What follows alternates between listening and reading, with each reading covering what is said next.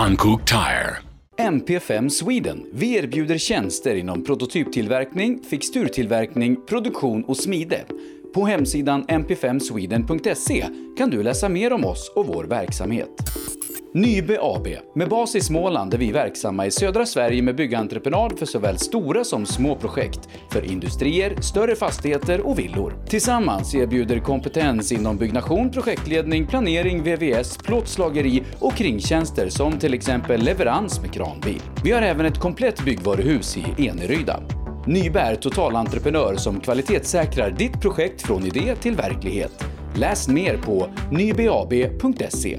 Girvelius Store, en butik med stort utbud. Vi har det mesta från heminredning och accessoarer till jakt och fiskeutrustning. Vi är dessutom Swedol-partner. Besök vår butik på Vallgatan 45 i Fjugestad eller vår webbshop girvelius.com. Elinstanät är ett brett företag inom elentreprenadbranschen som erbjuder lastbilstransporter, alla typer av schaktmetoder och även schaktfri teknik såsom horisontal styrd borrning i både mjukmark och berg. Vi är Årets Företagare 2020 i Melleruds kommun. Vår ambition är kostnadseffektiva lösningar och hög kvalitet. Elinsta Nät. Max Moduler erbjuder professionell hjälp med hantering av alla sorters moduler. Moduler som i jämförelse med andra typer av byggen har lägre byggkostnad, är flexibla och har kort bygg och etableringstid. Vi kan hjälpa dig med allt från byggbodar till temporära omklädningsrum eller kontor. Vi bygger helt enkelt den bod du behöver. Spana in vår hemsida maxmoduler.se eller ring så berättar vi mer. Maxmoduler, Det behöver inte vara svårare. AM Elteknik erbjuder tjänster inom el och kommunikation för företag och privatpersoner. Mina damer och herrar, eh, klockan den har slagit 19 och jag, Sebastian Borgard, säger återigen hjärtligt välkommen hit till ett nytt program, ett nytt avsnitt av Rallystudion by Hancock här direkt på Rally Lives Facebook-sida. Och en glad påsk får jag också säga till alla er där ute. Hoppas ni haft en fantastisk sådan och njutit av det härliga men dock lite kalla vädret som vi haft runt om i vårt land. Det är måndag, det innebär att vi ska prata rally och idag ska vi prata med en kartläsare, ingen mindre än Maria Andersson. Hon har i många år åkt eh, på hög internationell nivå, eh, har åkt eh, VM, IM, kinesiska mästerskapet med förare som Patrik Flodin, Patrik Sandell, Anders Gröndahl, Eivind Brynildsen, Andreas Mikkelsen med flera. Och det ska bli väldigt intressant att få sätta tänderna i hennes spännande karriär här om en liten stund. Men innan det så eh, vill jag säga att vi har en påsktävling eh, där man kan vinna en sån här goodiebag från våra vänner på Hancock. Eh, en goodiebag fylld med eh, grejer som till exempel eh, kepsar, det är mössor, nyckelband, pennor och mycket, mycket mer. Eh, en sån här fin goodiebag eh, tävlar vi ut fyra stycken just nu på våran Facebook-sida Rally Live där vi har lagt upp en fråga kopplad till förra veckans avsnitt med Petter Solberg. Så vill man eh, vara med och tävla om en sån här eh, goodiebag fylld med grejer från Hancock, då går man in på Facebook, eh, söker upp oss Rally Live och så svarar man på frågan där. Innan vi pratar med Maria så ska vi få lyssna in ett annat intressant inslag för i motorsport, eh, rally och alla discipliner så är det ju egentligen bara däcket som har kontakt med marken. Eh, det är det enda som binder bilen till marken och gör att det går fort. Eh, våra vänner på Hancock de är aktiva både inom rally men all typ av motorsport och vi ska nu faktiskt få prata med Manfred Sandbichler som är motorsportchef för Hancock och han ska berätta lite mer om vad de har på G. De är på väg in i Formel E och dessutom berätta lite mer om utmaningarna med att ta fram ett rallydäck och hur han ser på rally som disciplin. Hankook Tire. Manfred, we are very happy to welcome you to the show. Uh, hope you are having a good day so far. Good morning, everybody. Of course, I have a really good day. I'm here in South Spain wonderful weather conditions. Okay, I tell you now the secret. We have 20 degree during the day, so therefore I'm more than happy here. Uh, you are the motorsport director of uh, Hancock, and please tell us a bit about your job and what you do at Hancock. I'm the motorsport director in Hankook Motorsport since now almost 18 years. I'm in charge about everything. It starts from A until Z. So that means I'm talking with the promoters. I'm caring about the development. I follow up from time to time also our test procedures. And so this is more or less what I'm doing the whole day long. Um, Hankook will be the tire supplier of the Formula E Championship uh, from the season starting at the end of 2022. Uh, tell us, how is the development of uh, these new tires going? The, the development for the Formula E Generation 3 starts already some months ago, where we get this tire size developed, and now we are in the stage where we are uh, ready for the first rollouts but this is the very, very early stage, you know, that we get an impression about the car works, about the requirements. But so far, we are in the time loop, and we are really looking forward into a, let me say, very important and really successful test procedure. Uh, what is the biggest uh, difference in developing a tire for the Formula E Championship um, compared to, to making a, a regular racing tire for a Formula type of car? this is quite easy to, to explain you because uh, a regular race car, let me call it, uh, call it like this, we have slick tires. So it means we only have to care about the performance of the tire and about the lap times. And for the Formula E World Championship, it's a totally different story because there we have more or less a regular passenger car tire with pattern, and these tires have to work on dry and wet conditions. And don't forget about the special, especially specific characteristic of the Formula E uh, race cars. A massive torque, massive uh, accelerating, totally different to a regular race car. And this is the big challenge in this case. Why is uh, Formula E an important championship for Hankook to be part of? for Hankook, uh, in general, the Formula E World Championship is very important because for us, this is the future. When you see what's going on in the whole world, actually, everything is moving, everything is changing. And this is also very important for us for the um, to show up our performance level in this case. Uh, to develop tires for e-vehicles is very difficult, as I told you before regarding the characteristic of these cars.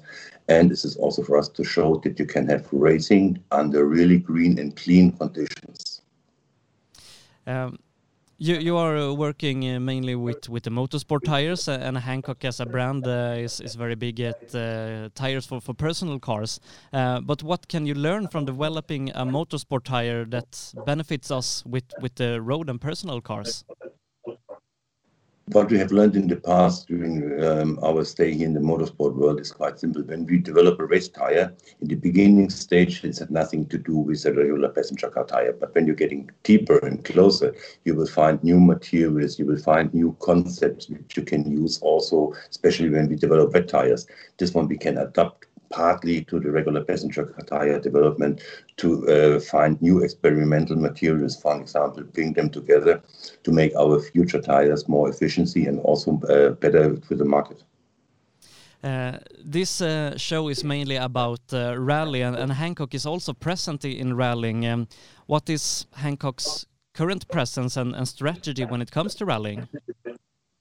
Rally is for us uh, one of the most important parts in the motorsport, uh, besides our, all our uh, uh, other activities, because in rally you have extremely hard conditions where you have really on-road tires where you have to, to go on durability and robustness of the tires where we have to uh, build totally different concepts from the sidewall constructions from the tire stiffness and also from the outside uh, impact when you see for example the gravel rallies this is massive stress for the tire and there we can also learn something for our regular passenger car tires to make them more stable and especially more safe uh, are you involved in any championships around the world or any teams or drivers at the moment? um, when we see our calendar for this year, I can tell you that I have more than 30 championships under my control, which are on my tires. This starts from Formula Racing, Formula 4, Formula 3, where we take care about the youngsters, the heroes in the future in motorsport. Then we have so-called private racing events in, in Spain, in Italy, in Germany. And then we come to the really important ones, which is, for example, the Formula 4 Championship in Spain, where we see already the future heroes driving there. Or we go to endurance race where we have 24 hour race, 12 hour race. And for this year, we have a new special project on top of the tops at the Nürburgring 24 Hour, we will fight for the victory with the Lamborghini Huracan GT3 Evo to uh, win the title there as well. Um, as you were talking about uh, their uh, endurance racing uh, is is a, a, big part of, of what you do at Hancock Motorsport. But what uh, from from a tire point of view is the most difficult thing to work with endurance racing compared to regular GT racing, for example? For me, the endurance is the biggest challenge because in the regular race you have race formats between 25 minutes and maximum 40 45 minutes from time to time one hour race which means you have one driver one car set up one tire developed this is quite simple to handle when it comes to endurance you have always different drivers different uh, different drive styles then the tire have to go for a long distance under, under any conditions, daylight, hot temperatures during the day, then it cools down during the night. You have rain conditions during the race. The endurance for me is the kind of yeah, top of the tops because this is the most challenging for the team, for the car, for the tires, for sure, for all team members, for everybody. But at the end of the day, it's also a big, big fun event when you finish such a 24 hour race in a really good way. Uh, is it the, the same tires you, you have on, on regular GT races or do you have a special endurance tire?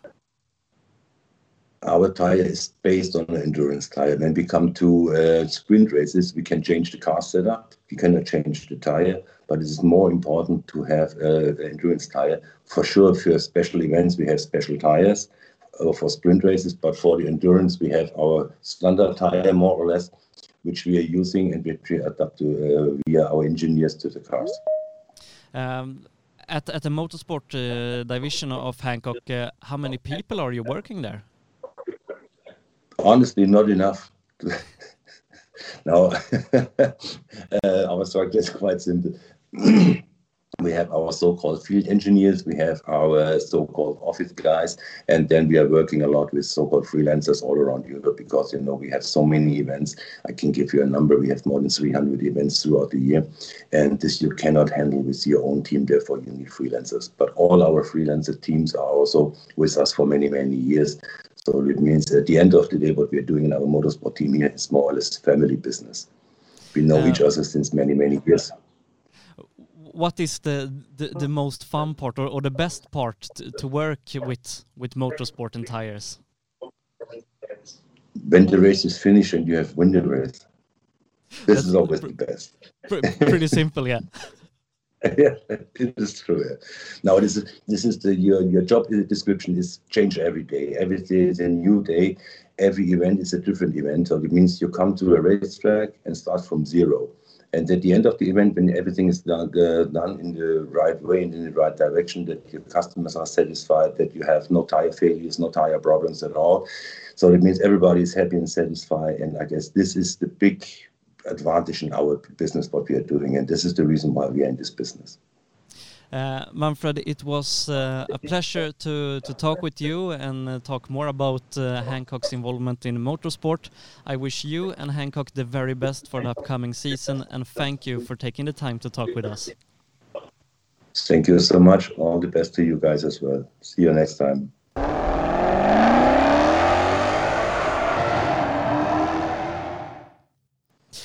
Och då ska vi säga hjärtligt välkommen till kvällens gäst, eh, Maria Andersson. Varmt välkommen till Rallystudion by Hancock. Tack så mycket. Eh, hur är läget med dig så här i, i påsktider? Jo, men det är fantastiskt bra, tycker jag. Eh, mycket snö idag, men eh, ja, så är läget. Vart i landet håller man till om man har mycket snö? Alltså, jag bor i en liten by, min hemby, Rönnesytta, som ligger ungefär 4,5 mil söder om Örebro. Det är ju, om, om man är lite rallyintresserad, klassiska rallysträckor där omkring. Absolut du Maria, vi ska ju prata rally och du har ju haft en eh, ganska lång och fantastisk karriär som, som kartläsare. Men, men liksom, är, är, du aktiv nu fortfarande eller har du lagt hjälmen på hyllan? Alltså, den ligger väldigt stabilt på hyllan kan man väl säga. eh, eh, när du hörde av dig så, så kollade jag upp lite och jag har ju inte tävlat sedan 2014. Ehm, så att eh, nej, den ligger fint och bra där nu. Jag håller mest på med odling, min hund, eh, mitt lilla torp och sådär. Så jag har blivit en riktig Svensson. Men, men rallyintresset finns kvar? Ja, men absolut. Alltså motorsportsintresset finns kvar, eh, ska jag väl säga. Sen är jag väl lite dålig på att följa allt in i minsta detalj och, och sådär. Men det bästa jag vet är att åka på Novemberkåsan till exempel. Så det ja, det finns ju där naturligtvis. Eh, vi, vi ska ju prata rally framför allt eh, här då. Jag, jag liksom tänkte vi, vi börjar från början. Vi vrider tillbaka bandet och hur började du med, med den här sporten? Ja, alltså som sagt, jag är ju uppväxt i den här lilla byhålan då, Rönneshytta. Eh, mest grabbar. Ehm, eh, min familj var motorsportsintresserad. Vi var ute och tittade på lite rallytävlingar och endurotävlingar och, och, och sådär. Men eh, det var ingen som tävlade då. Ehm, mamma är från Stockholm så hennes eh, intresse föddes väl i den här miljön kan man väl kanske säga. Men och sen så Sen blev det ju bara någon boom här på något sätt så att alla skulle ju åka rally helt plötsligt av, av kompisarna. Och då var det ju liksom oundvikligt att man var tvungen att hoppa på som kartläsare då. så ja, eh, det var riktiga vildingar kan jag säga. Eh, så eh, första åren så var det väl antingen så hamnar man i dike eller typ hamnar på pallen. Det var väl, ja, sådär. Men var det liksom mer att du, du hoppade på det för att du verkligen brann för rally eller för att det var en kul grej att göra med kompisarna? Nej, men det var nog för att jag brann verkligen för motorsporten. Jag tyckte det var jättekul och tidigt tror jag så insåg jag nog att det här ska jag satsa på. Jag ska bli bra i det här. Jag ska... Eh, ja. Nej, men jag, nej, jag brann nog för det. Alltså, jag var ju med i garaget och efter vi hade rullat och dammsög glassplitter och alltså jag var nog med hela vägen tror jag. Alltså, för jag ville ju ändå komma framåt, jag ville tävla mera. Även om jag inte hade liksom pengar att skjuta in eller någonting sånt så, så ville jag. Alltså jag verkligen ville tävla. Hur liksom som, som kartläsare då, vi, vi pratar någonstans början 2000-talet, kanske slutet 90-talet. Hur, hur ser man vägen framåt då? Som, som, förare är det ju kanske enklare att ja, men jag ska köra den här kuppen och sen ska jag vinna SM och så är det junior-VM och, och, så vidare. Men som kartläsare, mm. eh, liksom hur, hur hittar man vägen framåt? Men alltså för mig var det nog att... Eh, jag började 98 var första. Då var jag ändå 18 år så att eh, ja, i kartläsarvärlden är man väl lite gammal då kanske. Men, men jag, jag insåg nog tidigt att eh, tävla så mycket som möjligt eh, med så många förare som möjligt för att lära sig alltså språk, alltså alla förare vill ju ha det olika. Eh, en del vill ha tidigt, en del vill ha sent, en del vill ha mycket Eh, röst, en del vill alltså ja, eh, tajmingen är olika och så. Så jag, jag insåg nog väldigt snabbt där att ska jag komma någonstans så är det nog tävla, tävla, tävla och med så många olika som möjligt. Um, så det var nog mitt mål, för jag hade ju liksom ingen sån här... Även om mina vänner var duktiga och sådär så, så hade jag ju liksom ingen som skulle kanske åka VM om några år. Så jag hade ju liksom inte en fast på det sättet. Um, så att nu när du hör av dig så räknar jag faktiskt lite och jag åkte med 43 olika förare Oj. faktiskt har jag gjort. Det, det är ett par stycken. Så att eh, ja, nej men det var, det var liksom det jag kände var viktigt. Att lära sig liksom läsa chaufförerna. Men, det de första åren, var, var du mer hemmastad hos någon eller var det, var det olika varje helg eller liksom hur, hur såg det ut? Jag tror eh, kanske första och andra året kanske jag var mer hemmastad. Eh, även om jag kanske åkte med ett par, tre stycken sådär. Eh, men sen tror jag det ballar ur. alltså, då... För det blir ju så att ju mer du tävlar, desto mer pratar ju folk och ja, alltså då blir det ju fler och fler som frågar naturligtvis. Och bättre och bättre chaufförer ju mer man, alltså det är, det är ju liksom ett steg du måste ta ifrån eh, att ha jättekul och, och alltså det är inte förringa det här liksom i början för att det är superviktigt och man lär sig jättemycket av det. Så det är ju, man måste liksom gå de här stegen tror jag. Um, och jag tror där efter kanske tre, fyra år eller någonting så tävlade jag alltså, jag tror jag åkte 27-28 tävlingar på ett år. Um, och det är ju rätt så mycket. Ja, verkligen. Uh, um, så att det var nog mitt mål. För i och med att jag inte hade ekonomin att punga in, jag hade ingen, inga rika föräldrar eller något stort företag bakom mig, så var det liksom bara att hoppa på allt jag har åkt det mesta och eh, ibland kan man ju tänka efteråt att varför gjorde jag det där?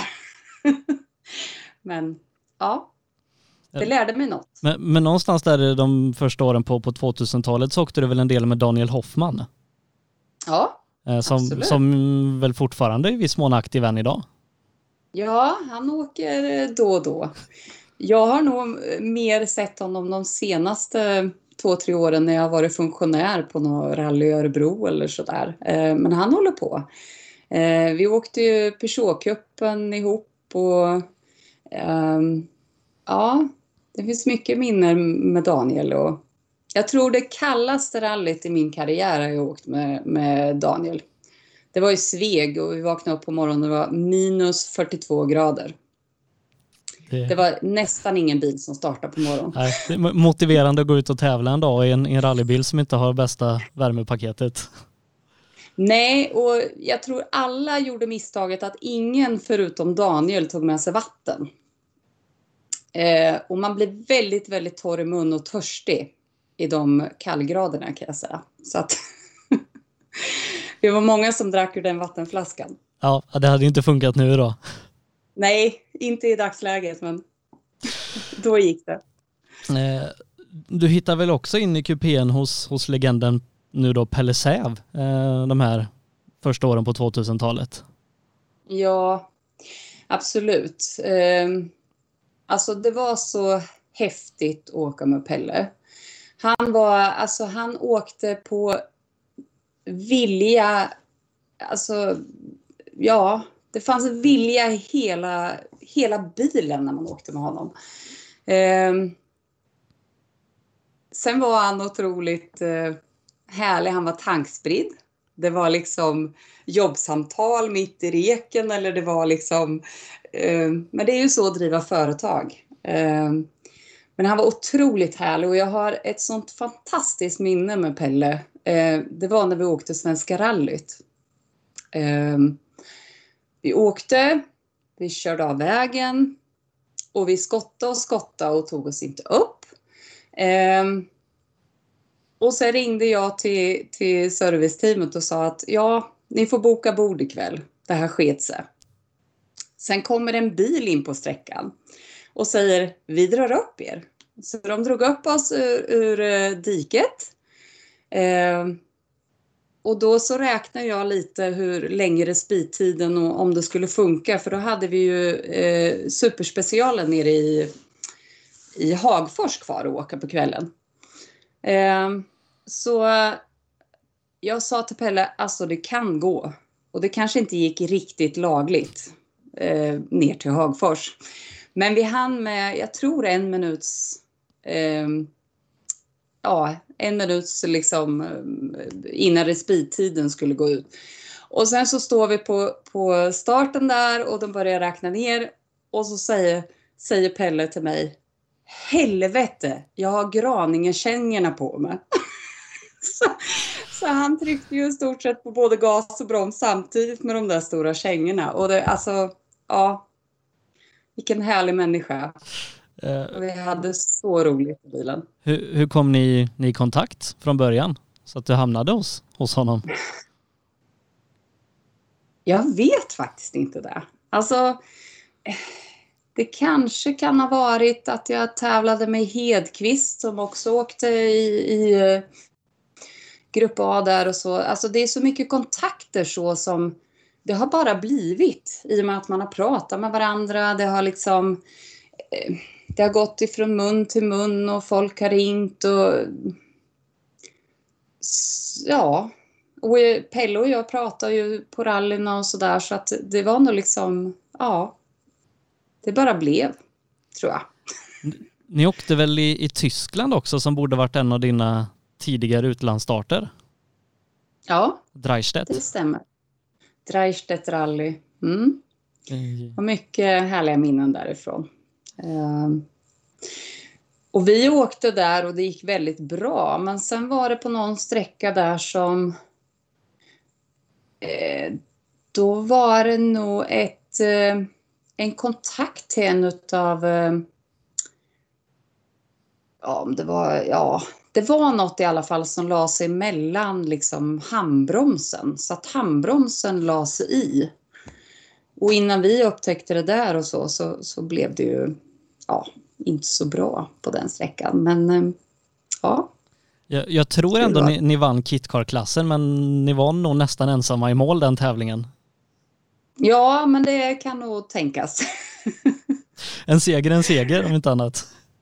Ja, men en seger en seger. Jag är väldigt dålig. Alltså, för mig var, var resultat väldigt viktiga när jag tävlade så att förlorade jag så var jag jättesur vann jag så var jag glad en kvart, men sen siktade jag framåt. Så att jag har nog väldigt dåligt minne på resultat förutom vissa sådär speciella. Vi, vi får se om vi, vi kommer till, till de speciella. Jag, jag tror det var 2004 som du och Pelle åkte Mitsubishi i, i Svenska rallyt. Ja, men det stämmer nog ja. Eh. Jag skulle egentligen, tror jag, det året åkt med Karina Hermansson. Eh, men tyvärr så gick hennes pappa bort då tror jag. Så att det blev lite, ja, sorgligt där. Och, eh, för hon och jag skulle satsa ett år där. Och jag tror att det var runt, runt det årtalet. Men istället hamnade du väl delvis i Irland det året? Ja. Eh, Ja, det var så här, eh, Mats Andersson nerifrån nere från Skåne, han hade ju en eh, eh, engelsk kartläserska som hette Claire Mole. Eh, och Claire frågade mig någon eh, SM-tävling sådär, skulle du vara intresserad av att, att komma till England och, och, tävla med någon om det, någon vill ha? Och jag tänkte att ja, men det är ju ett steg att lära sig engelska noter och sen min min skolengelska var väl inte tipptopp direkt så.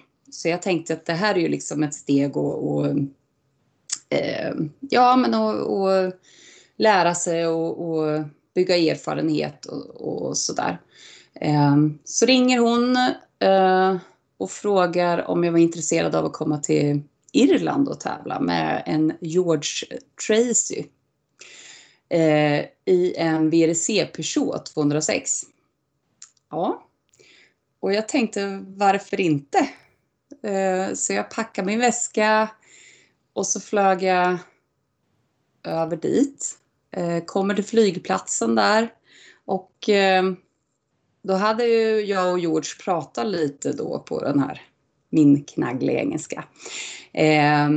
Och då sa han att leta efter någon med en Peugeot-skjorta på flygplatsen så, så, ja, så är det jag. Så jag hittade ju den här lilla mannen i, ja, vad kunde han ha varit då? Kanske 40-45 års åldern. Och då var jag typ 22 kanske.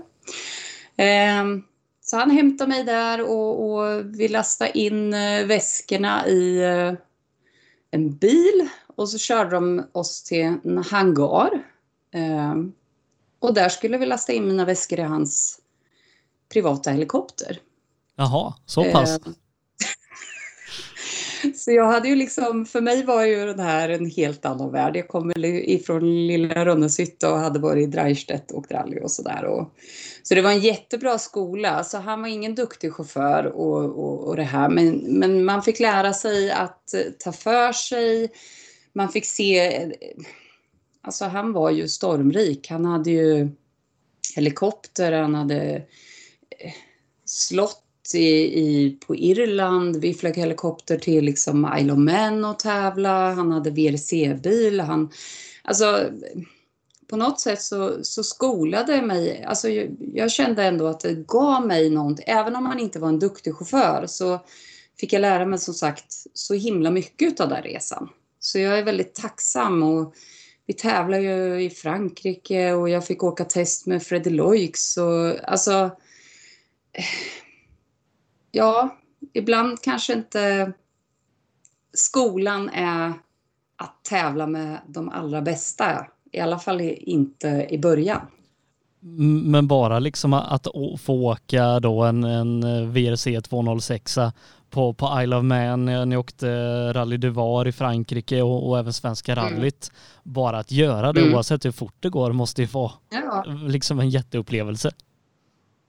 Vi åkte även ett historiskt rally i eh, Killarney, alltså på, vad blir det, västkusten på Irland. Där jag satt också på fel sida.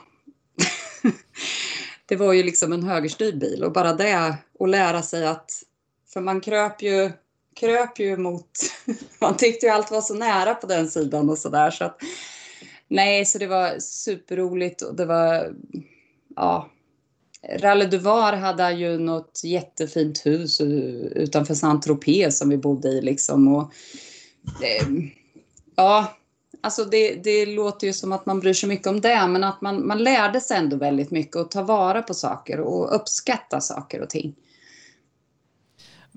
Men fanns det intresse att, att fortsätta åka ihop liksom för att få åka den typen av bil i den typen av tävling eller ville du vidare till så att säga mer konkurrenskraftigt team och, omgivning?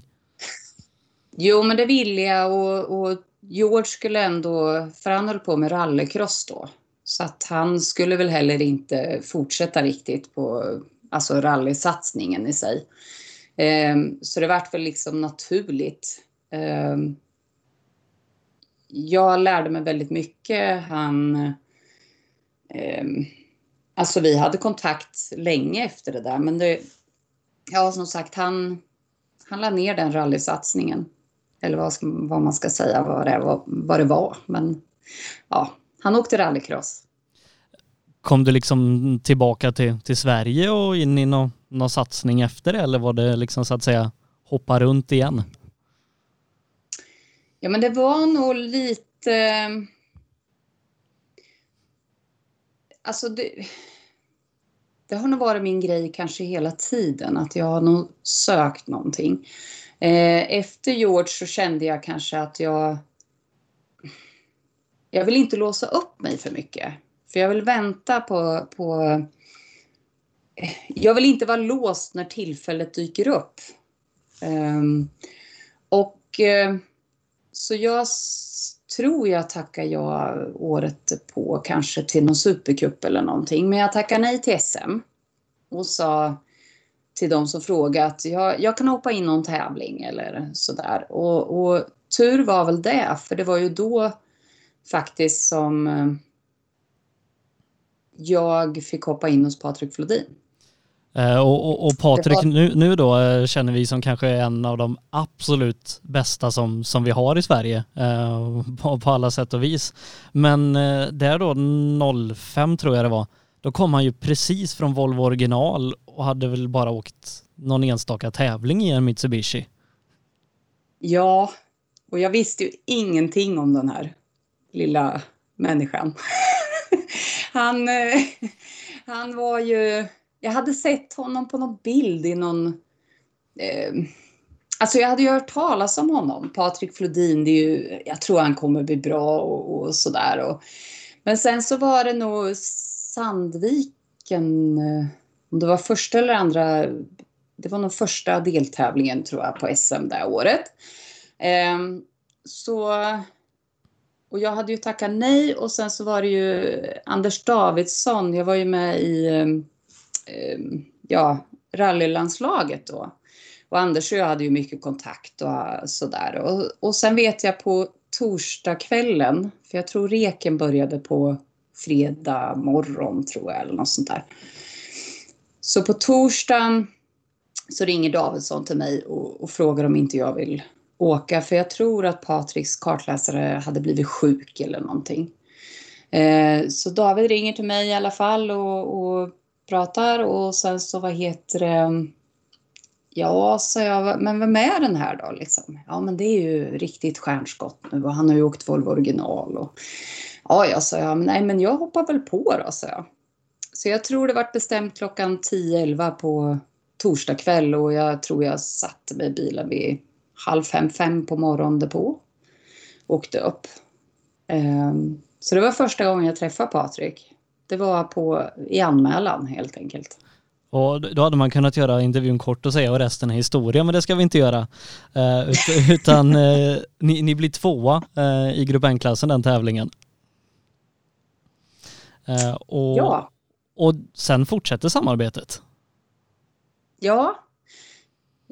Jag tror hans förra kartläsare åkte med någon tävling till och sen så började Patrik och jag åka ihop på sommarsäsongen där. Och sen fortsatte det några år. Eh, du har ju åkt med, med Patrik senare i hans karriär, eh, liksom mm. både under och efter liksom olika stadier hans VM-karriär så att säga. Eh, hur var han precis liksom ung och, och ny in i fyrhjulsdrivet och så att säga mer elitrally? Alltså han har ju alltid varit en otroligt duktig chaufför. Eh, han har varit otroligt duktig på att eh, noter och känna bilen. Men han var ju... Eh, han var ju väldigt ung när, han började, eller alltså när vi började åka ihop. Eh, Brynildsen, eh, från Norge, han kallar ju alltid mig morsan för att jag, han tyckte jag hade koll på, på Patrik och sådär. eh, jag vet första gången vi träffades då uppe i Sandviken så, så sa jag kom vi går, vi går och tar en kaffe innan reken. Sådär. Och Patrik han, han satt med kaffekoppen och skakade väldigt mycket. Och jag tänkte att oh, hur ska jag få honom trygg med mig tänkte jag. Så att jag var ju väldigt privat och liksom försökte få upp en trygghet och så. Sen visade det sig att han är så där skakig. Så att det var ju inte... Men eh, eh, han... Eh, Nej men alltså han, han har ju utvecklats jättemycket men han jag tyckte ändå ifrån början att han hade det liksom. Med både körning, noter, enkelheten i noterna. Eh, och sen att han litar på professionellt folk att ställa in bilen. Han sa hur han tyckte bilen betedde sig och sen så fick de professionella ställa in bilen därefter. Eh, så det tycker jag han har varit otroligt bra på. Eh, och, och, det går ju liksom bra eh, första tiden där. Eh, ni åker liksom ett par tävlingar i södra Sverige, vinner Kong Christian, ni vinner Silveratten totalt de tävlingarna och åker även vad som väl torde vara Patriks första VM-tävling i Finland det här första året. Ja. Och det går väl, ja. det går väl bra? Ni, ni är väl jättesnabba alltså, där? Alltså det går ju otroligt bra. Men, fram till sista sträckan. Eh, eller några kilometer kvar på sista sträckan. Så fick vi punktering och någonting slog upp så att växellådan låste sig. Eh, så att jag vet inte var vi slutade faktiskt sen. Eh, för det var en sån otrolig besvikelse. Så jag vet, jag vet inte placering hur, hur det blev till slut. Men... Jag tror ni blev trea med, med typ en och en halv minuts tidstillägg under tävlingen. Det var väl kanske en missad mm. slutteko eller någonting där. Uh, ja. Men uh, visade ju direkt i VM-sammanhang vilken otroligt duktig chaufför han var. Mm. Verkligen. Och Finland är ju något speciellt. Uh, det kräver ju väldigt mycket av både förare och kartläsare. Det är nog det svåraste rallyt egentligen att, att läsa tror jag, eh, på ett sätt. det går så fort, det är så mycket detaljer, du är mer i luften än vad du är på backen. Eh, det är mycket kompressioner. Eh, ja, det, det, är ett samspel just i Finland som ja, det kräver sin, sitt samarbete om man säger så. Ni åker ju Wales också eh, senare på året och det är också en, en oerhört tuff tävling. Jag brukar säga att det finns ingen som har åkt där som liksom inte kan, kan skriva en biografi bara om att vara i Wales och åka tävling. Nej, det är spännande om man säger så. Eh, tyvärr så fick ni bryta eh, ert första framträdande i Wales i alla fall. Ja, eh, jag kommer inte riktigt ihåg där hur det gick men jag tror ändå att vi tog några sträcksegrar där. Eh, om jag kan minnas rätt så var det så att första dagen så halkade vi av vägen i den här rödleran. Det var ju fruktansvärt halt. Eh, och då var det Patriks fel. Och sen så tog vi lite sträcksegrar och bilen var silvertejpad tror jag, deluxe. Om det var nu det här året som jag minns. Eh, och sen så, om det var andra dagen eller sista dagen så vart jag sen i Faxinot. Och vi får ner ett dike och då vet jag Patrik sa, ja men nu är det 1-1, sa han. Och så åkte vi med våran folkracebil som var tejpad och klistrad. Och... Så jag tror att det var det året i alla fall. Det, det är väl bra att det slutar lika i en sån match så att, så att, så att ingen, ingen går hem så att säga jo, mer deppig än den andra. ja. Eh, 2006 är ju ett ganska stort år för er för då åker ni ju dels hela SM i Subaru som ni byter till då och dessutom mycket eh, internationella starter. Eh, så att liksom efter det här första ändå ganska framgångsrika året ihop så, så blir det mycket tävlingar igen för er. Mm. Jo men det var det var mycket eh, Subaren var ju också speciellt där. Det var ju en helt annan typ av bil än Mitsubishi och sådär så att eh, jag tror vi var vi i Portugal och vi körde ju några sådana här test-VM-tävlingar för mig också. Ja, eh, ni, ni, körde mm. Rally Norway som det året då inte var en VM-tävling. Eh, mm. Som ni vann. Eh, ni körde också Portugal som inte ingick i VM och blev trea. Eh, mm, vinnare där var Armindo Araujo som blev Grupp N-mästare sen något år senare. Eh, och Daniel Paulsson var två va? Det var han nog. Jag ska bara upp segraren här. Ja, ja. Nej, jag, jag, tror att det var det året vi åkte där, där det var så otrolig dimma. Det gick inte att se ja, motorhuven i stort sett. Um, ja, det var ett spännande rally om man säger Och så ett nytt försök då i, i finska VM-rallyt och en, en ganska intensiv, om man läser sträcktiderna, sekundfight med Anton Hallén som, som avgjordes ja. på typ näst sista sträckan. Till, till Antons fördel alltså, den här gången då. Ja, även om det var till Antons fördel så tror jag att det är det häftigaste rallyt jag har åkt. Jag har aldrig varit med om Alltså det var 0,1 sekunder, det var 0,5 sekunder, det var 0,6 sekunder. Alltså det var så sjukt tight hela vägen och jag tror aldrig jag åkt ett rally på max attack ifrån första sträcka till sista sträcka. Eh, sen had, slog vi en pyspunka eh, på, var det andra dagen tror jag, och tappa kanske 8-10 sekunder eller någonting. Det var precis vid målet. Men då tappade vi en del.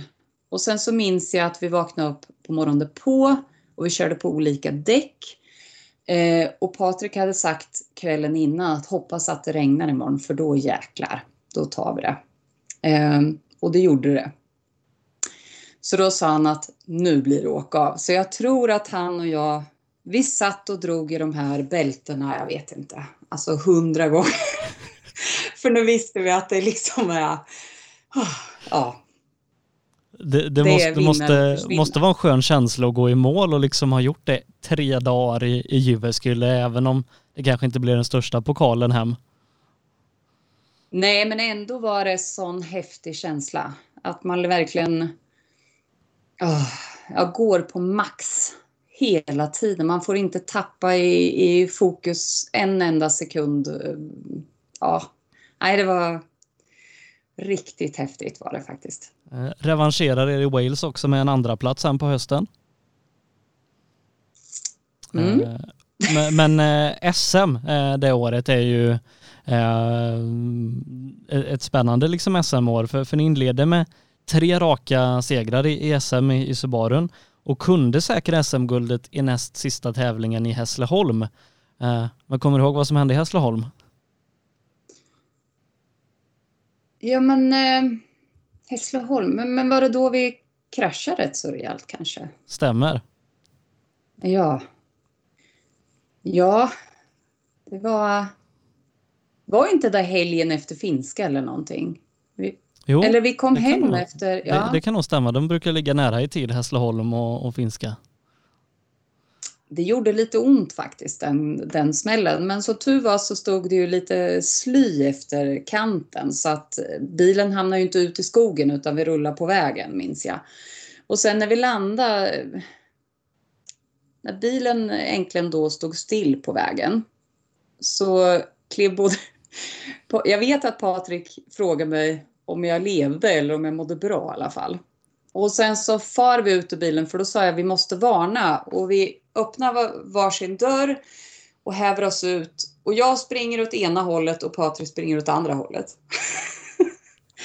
så så det, han trodde att vi hade kommit från andra hållet. Han var nog lite yrig i bollen tror jag. Eh, så till slut så kom han ju tillbaks och ja, var det härifrån vi kom? För att bilen stod ju åt fel håll då på vägen så att det var inte så himla lätt. Men eh, nej, det var ja, det var lite surt faktiskt. Bilen Eh, vart inte så vacker. Jag, jag tror eh, om, om man eh, sen då vill lyssna på avsnittet som vi gjorde med Patrik, han berättar om hur de fick ihop den här bilen, för, för den kommer ju ihop eh, några veckor senare Ja, eh, i Östgötarallyt och om, om jag liksom har förstått hur poäng och sånt låg till rätt så var det typ först i mål av er och Torselius skulle bli svensk mästare det året. Och Ja. det, det, det, var väl, det var väl bestämt redan från start det också. ja absolut. vi, vi, vi visste ju vad vi skulle göra. Ehm, vi hade ju våran målsättning eh, rätt så klart för oss, stegen vi skulle göra i karriären. Ehm, sen vet man ju aldrig vad som händer och sker, men eh, nej, vi checkade av den där SM-guldmedaljen i alla fall. Eh, och nu då i lite retrospekt, för mitt uppe i det då kanske det är VM-guld som hägrar, men eh, att ha blivit svensk mästare med, med Patrik Flodin, det måste ju ändå liksom, när du ser tillbaka på det, ändå betyda någonting. Ja men absolut. Och, alltså just där just då, då var det ju mer att liksom check, bock. Men sen vet jag att eh, mina fantastiska vänner där hemma, eh, de ordnade en eh, SM-guldfest för mig här. Eh, och då vet jag att jag faktiskt kunde njuta otroligt mycket av det. Och jag har faktiskt en tavla eh, hängande på just eh, några bilder ifrån SM-guldåret. Eh, Eh, och, och från SM-guldet då så, så skulle det ju bli eh, VM-satsning, eh, PVRC som det hette då, eller Grupp N-VM eh, 2007. Eh, men ni inleder året med att köra en Subaru VRC i Svenska rallyt. Eh, ja, det var ju...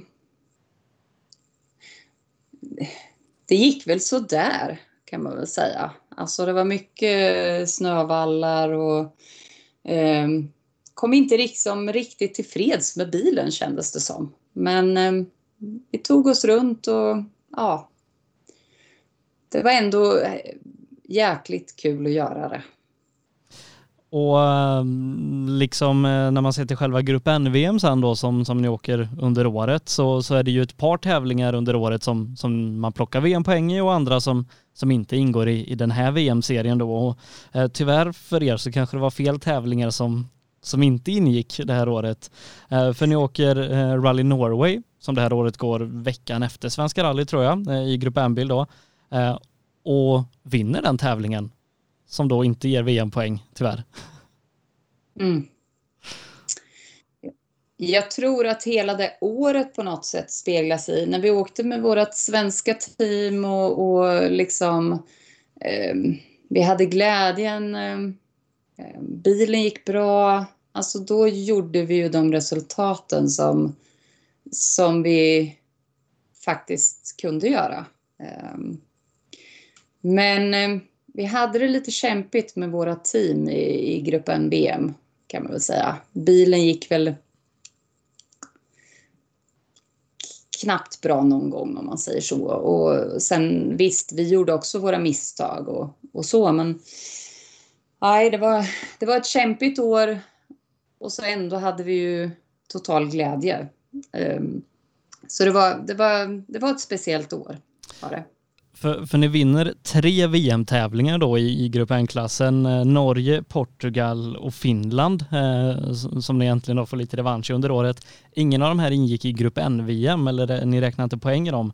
Eh, och jag tror att ni bara fick poäng i en tävling i Grupp N-VM som var Japan med en sjätteplats. Antingen bröt ni eller så kom ni utanför topp 10 i, i de andra som ja. ni skulle räkna poäng i. Ja, Jo, men det, det, var, det var ett sånt år. Eh, vi, vi slet med bilen, vi slet med teamet. Vi hade en fantastisk koordinator, Akira Kawada från, från Japan, som var... Alltså han gjorde allt för oss. Eh, så han och jag och Patrik jobbade åt samma håll kan man väl säga. Eh, sen var det, jag vet inte, var vi runt tio olika nationaliteter i teamet och bara liksom språket där och eh, Ja, nej men det var någonting i, teamet som inte riktigt liksom ville sig. Eh, och det var allt ifrån rekbilar, jag vet i, i Japan då, då fick vi ju, jag tror tredubblig punka på rekbilen. Så vi fick lämna rekbilen upp i bergen någonstans i, i Japan och sen så fick vi åka, så jag och en kartläsare från Estland, vi satt i baksätet och så satt våra chaufförer i framsätet typ i två sträckor och reka eller något sånt där. Alltså det var, det var, det var grejer som gick fel hela tiden kan man säga. Eh, men liksom det, det, är ändå fantastiska ställen som, som ni fick resa till. Eh, Grekland, Nya Zeeland, Argentina. Så att det måste liksom varit häftigt, så att säga, ur, ur, ur det perspektivet att få, få resa världen. Man har ju fått vara med om otroliga... Och sen det här att få uppleva länderna. Det blir ju inte som att åka turist och åka till en sandstrand och lägga sig, utan man får se baksidorna av alla länder och, och träffa befolkningen på ett helt annat sätt. Och, um, Alltså man har så mycket minnen och är så himla tacksam över så mycket som man har fått vara med om. Ehm, som jag tror aldrig som privatperson kanske, om man inte är väldigt äventyrlig, eh, är med om. Ehm, så att superroligt, verkligen. Uh, och det, det, är väl uh, i slutet av det året som, som du åker, åker över till Norge och börjar åka med Anders Gröndal? Ja, det var nog... Alltså Patrik och jag hade slitit under det året eh, med det här teamet och liksom... Eh, och Patrik hade ingenting klart. Jag fick eh, erbjudanden av Anders Grön, eller förfrågan av Anders Gröndal då, som åkte en BRC Subaru i Norge. Så att vi valde att splitta på oss då. Um, så att, ehm, och då vart det ju lite med, med olika chaufförer i Norge också. Men Anders hängde jag ju med i två år, men han åkte ju norska mästerskapet då. Eh, ja, för, för, för du åker med, med Gröndal då i den här Subaru VRCn i, i norska mästerskapet och går ju ganska bra, men, men det är ju två andra snabba grabbar också som heter Mats Östberg och Andreas Mikkelsen som ofta eh, prenumererade på, på de här första platserna. Eh, men eh, du hittar också in till en annan norrman som heter Eivind Brynildsen och åker väl ganska tidigt på året eh, i England med honom? Ja, vi, eh, vi åkte väl till och från eh, ihop eh, under några år tror jag. Eh, ja, nej, så vi åkte i England och vi åkte några VM-rallyn och ja, där var det lite, lite hoppande där. Men också en VRC-tävling med Andreas Mikkelsen va? I en Ford VRC. Ja. Eh, det var... Ja, jag vet inte vad man ska säga om den, men... Eh, jag vet inte, alltså hade jag fått förfrågan idag hade jag ju sagt nej. Eh, men då var man ju, alltså man ville ju ta varenda chans som, eh, som bara går. Och eh, de ringde mig för att Ola var ju sjuk. Han hade blivit sjuk nere på hotellet på Sardinien. Och så ringer de mig och frågar om jag kan komma ner. Och det här var ju alltså söndag kväll de ringde. Eh, måndag morgon behövde jag resa. Så hade de hittat några biljetter så jag reste ner till Paris. Och flygplatsen i Paris är ju inte eh, tipptopp. Eh, så fick jag lämna mitt bagage i Paris för att springa till flyget till Sardinien eh, och hoppa på där. Och jag vet inte, jag var framme någon gång 10-11 på kvällen. Eh, vi fick springa typ till anmälan där och sen så var det bara att sätta sig ihop och reka då på mm, ja, tisdag morgon tror jag det var eller någonting. Så rekade vi ihop och eh, så första gången vi satt i bilen tillsammans det var på shakedown. Som var en shakedown som gick ja, 90 grader uppför och 90 grader nerför. Och ja, den var jättekonstig. Ehm, jag såg inte ett dugg ut ur, ur eh, ja, på vägen överhuvudtaget. Ändå la vi dit kuddar. De försökte höja stolen så mycket som det gick och så la de dit några kuddar och ändå så såg jag ingenting. Så att, ja. Eh, men vi testade och första sträckan gick bra, vad jag minns. Andra sträckan gick ju mindre bra. Vi var ju före Sebastian Löb i alla fall. Eh. Men sen, eh, Andreas sa att jag var sen i noten och jag kan inte, tycker en chaufför att man är det, då, då är man det. Ehm, jag, jag kände inte honom, jag kände inte noterna så jag, jag kan liksom inte säga vad som hände. Men ehm, tyckte han det så var det så. Ehm, och så kraschade vi, tyvärr. Men att liksom fått åka en VM-tävling ihop med Andreas Mikkelsen, det, det är ändå, så att säga, när man ser tillbaka på det, lite coolt att ha gjort. Ja, absolut. Och, eh, jag tycker jättemycket om Andreas både som person och, och förare. Så att, eh, och man är väl hedrad över att man ändå har varit i den positionen att man har blivit tillfrågad. Eh, ehm, så att, ja. Nej, det är häftiga saker man har gjort. Man måste ju satsa för att komma någonstans också. Eh, som du sa där, åker med Brynildsen lite PVRC-tävlingar då. Ni åker i Grekland och Turkiet bland annat. Eh, och så får du även åka till Polen med, med Patrik. Åka Subaru ja. på asfalt. Ja. Eh, jo, men vi... Eh, när inte Göran kunde och så där så då hängde jag ju på Patrik om jag hade möjlighet och så. så att, eh, eh, men det var en spännande upplevelse i Polen kan man väl säga. Eh, och det är kul med asfalt och så också. Eh, att blanda underlaget.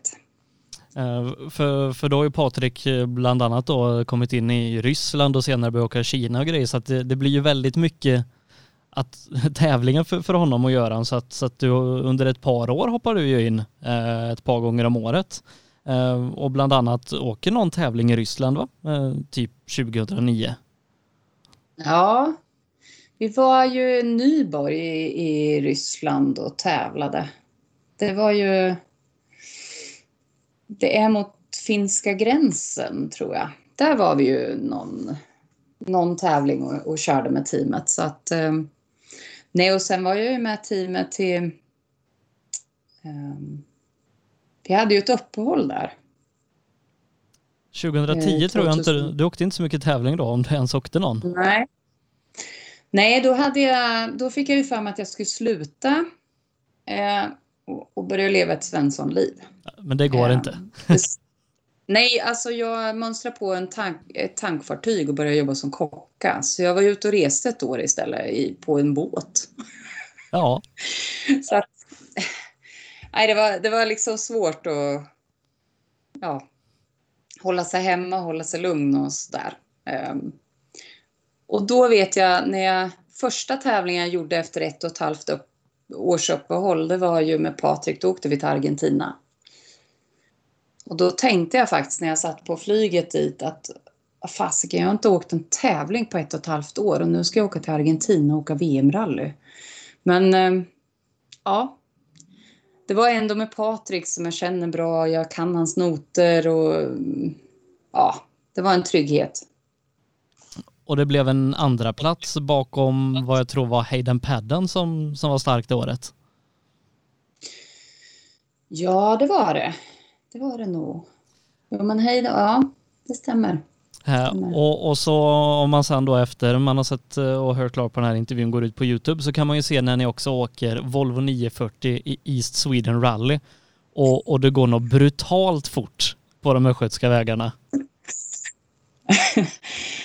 Ja, alltså så mycket vi skrattade då.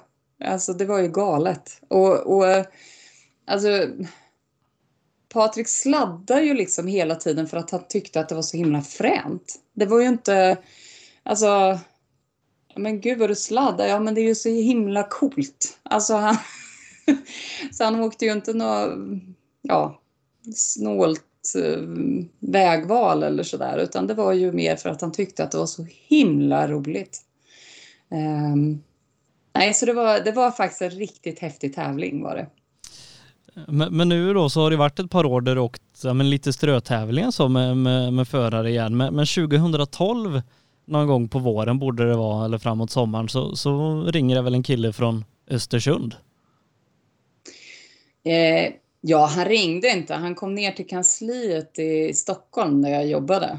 Eh, och alla som känner Patrik, eh, han är ju otroligt positiv människa och han kan nog övertala alla, tror jag. Alltså nu pratar vi Patrik Sandell då, nu är vi på, in, på en annan Patrik.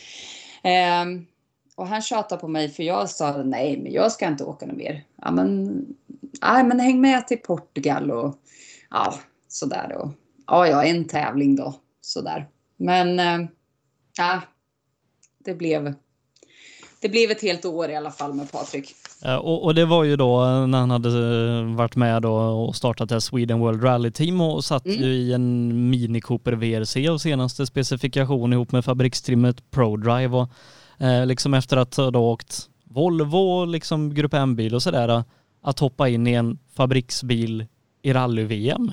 Eh, hu- Hur var det steget att ta? Jo, men det var häftigt, men, men jag tycker ändå, alltså just det här med teamen så upplever jag ändå att jag har, alltså... Jag tycker ändå de här R5 och Grupp N-teamen, alltså i... ehm, på ett sätt är otroligt professionella. Ehm, de har lite samma struktur. Sen finns det ju så mycket mer resurser bakom ett VRC-team. Så.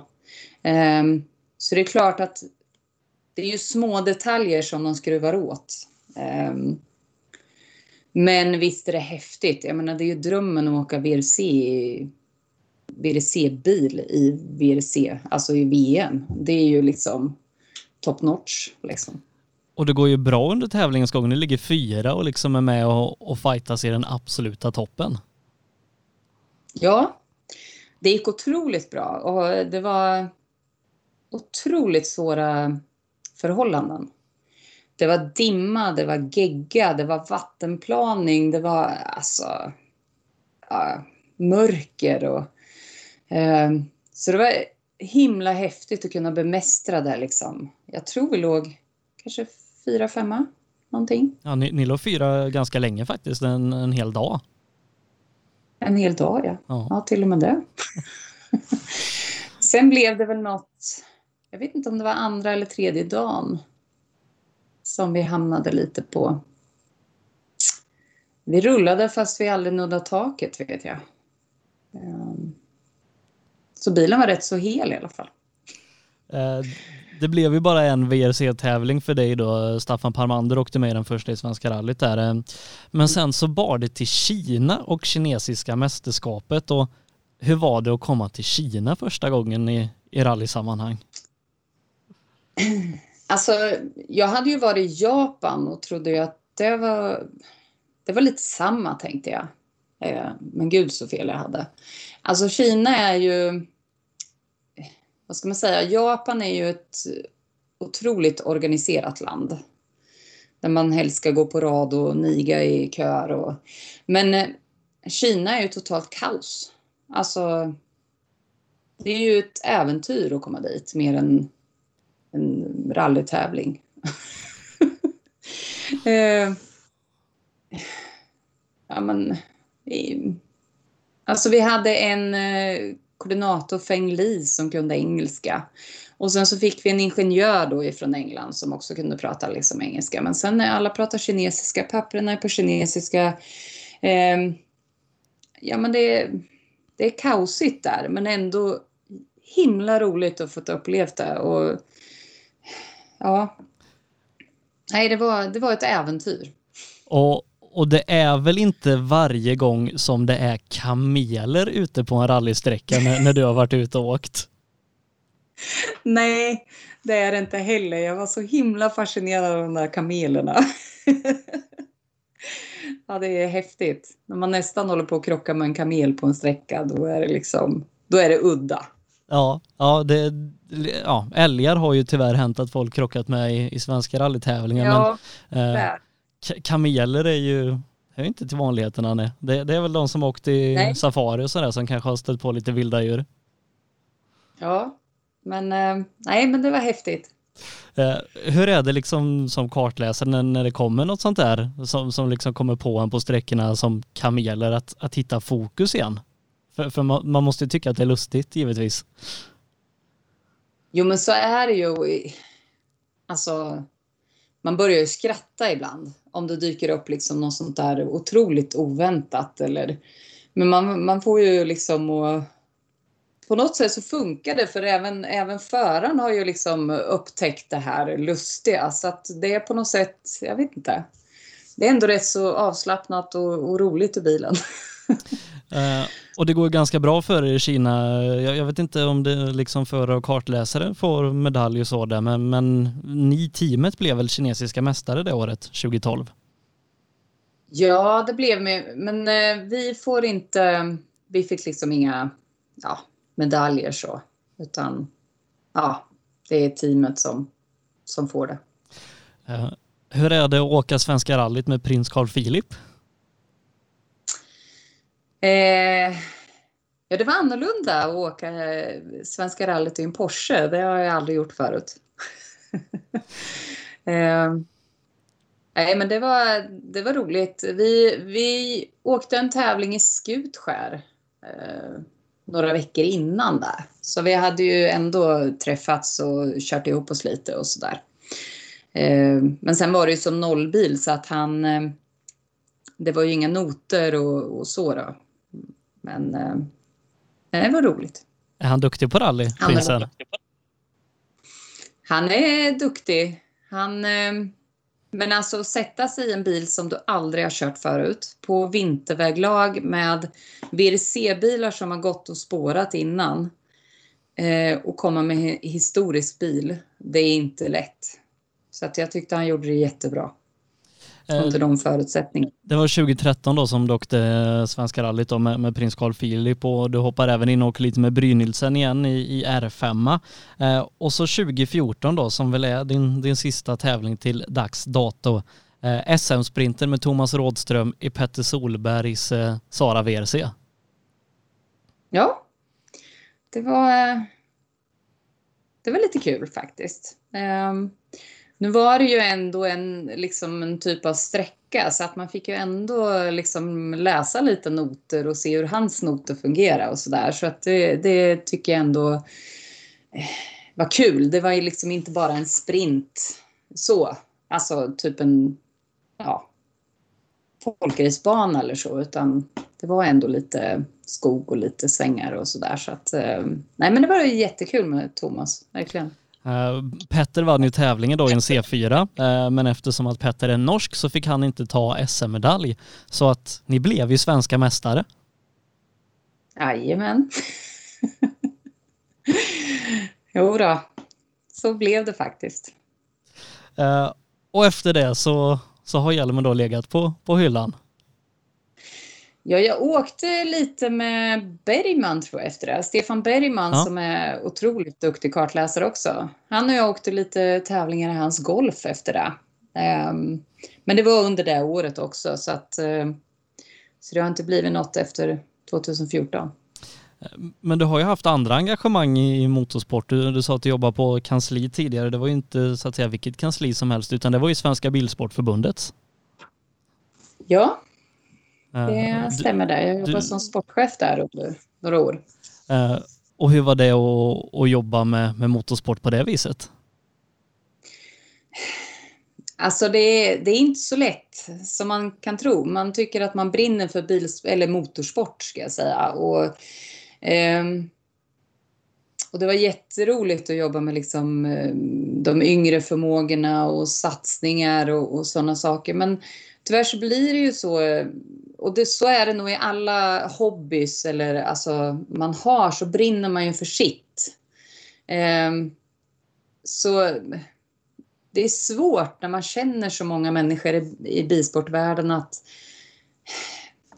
Ja men du vet, någon vill ha de eh, bromsbeläggen på bilen och någon i, i folkrace vill ha den eh, ratten eller ehm, och det är ju inte riktigt det som just kansliet jobbar med utan det är ju, ja. Så att det, det var, det var väldigt kul men det var också rätt så tufft. Uh, har du några som helst motorsportengagemang idag eller är du liksom bara glad och titta på ibland och vara funktionär ibland och sådär? Ja, det är väl typ där jag är. så att um, um, jag är ute och tittar lite och, jag kan hjälpa till på något DM någonstans kanske och liksom så men, men inte inget mer än så. Eh, men ändå liksom 15-20 år där, ganska intensiva, där du hunnit med väldigt mycket och, och nått fantastisk framgång. Alltså jag är jättenöjd och glad. Alltså um, och jag är som sagt så otroligt tacksam att jag är nöjd och glad. Att jag inte sitter här och längtar tillbaka eller ångrar något eller... Jag körde mitt race, visst jag hade velat vunnit och fått VM-medalj, det var väl mitt mål. Men eh, jag kom ändå otroligt långt. Eh, och jag har fått upplevt otroligt mycket och det är huvudsaken tycker jag. Och det leder oss in då på de sista tre frågorna som jag alltid ställer till de som är med och varav den första då är vilken prestation i din karriär är du stoltast över?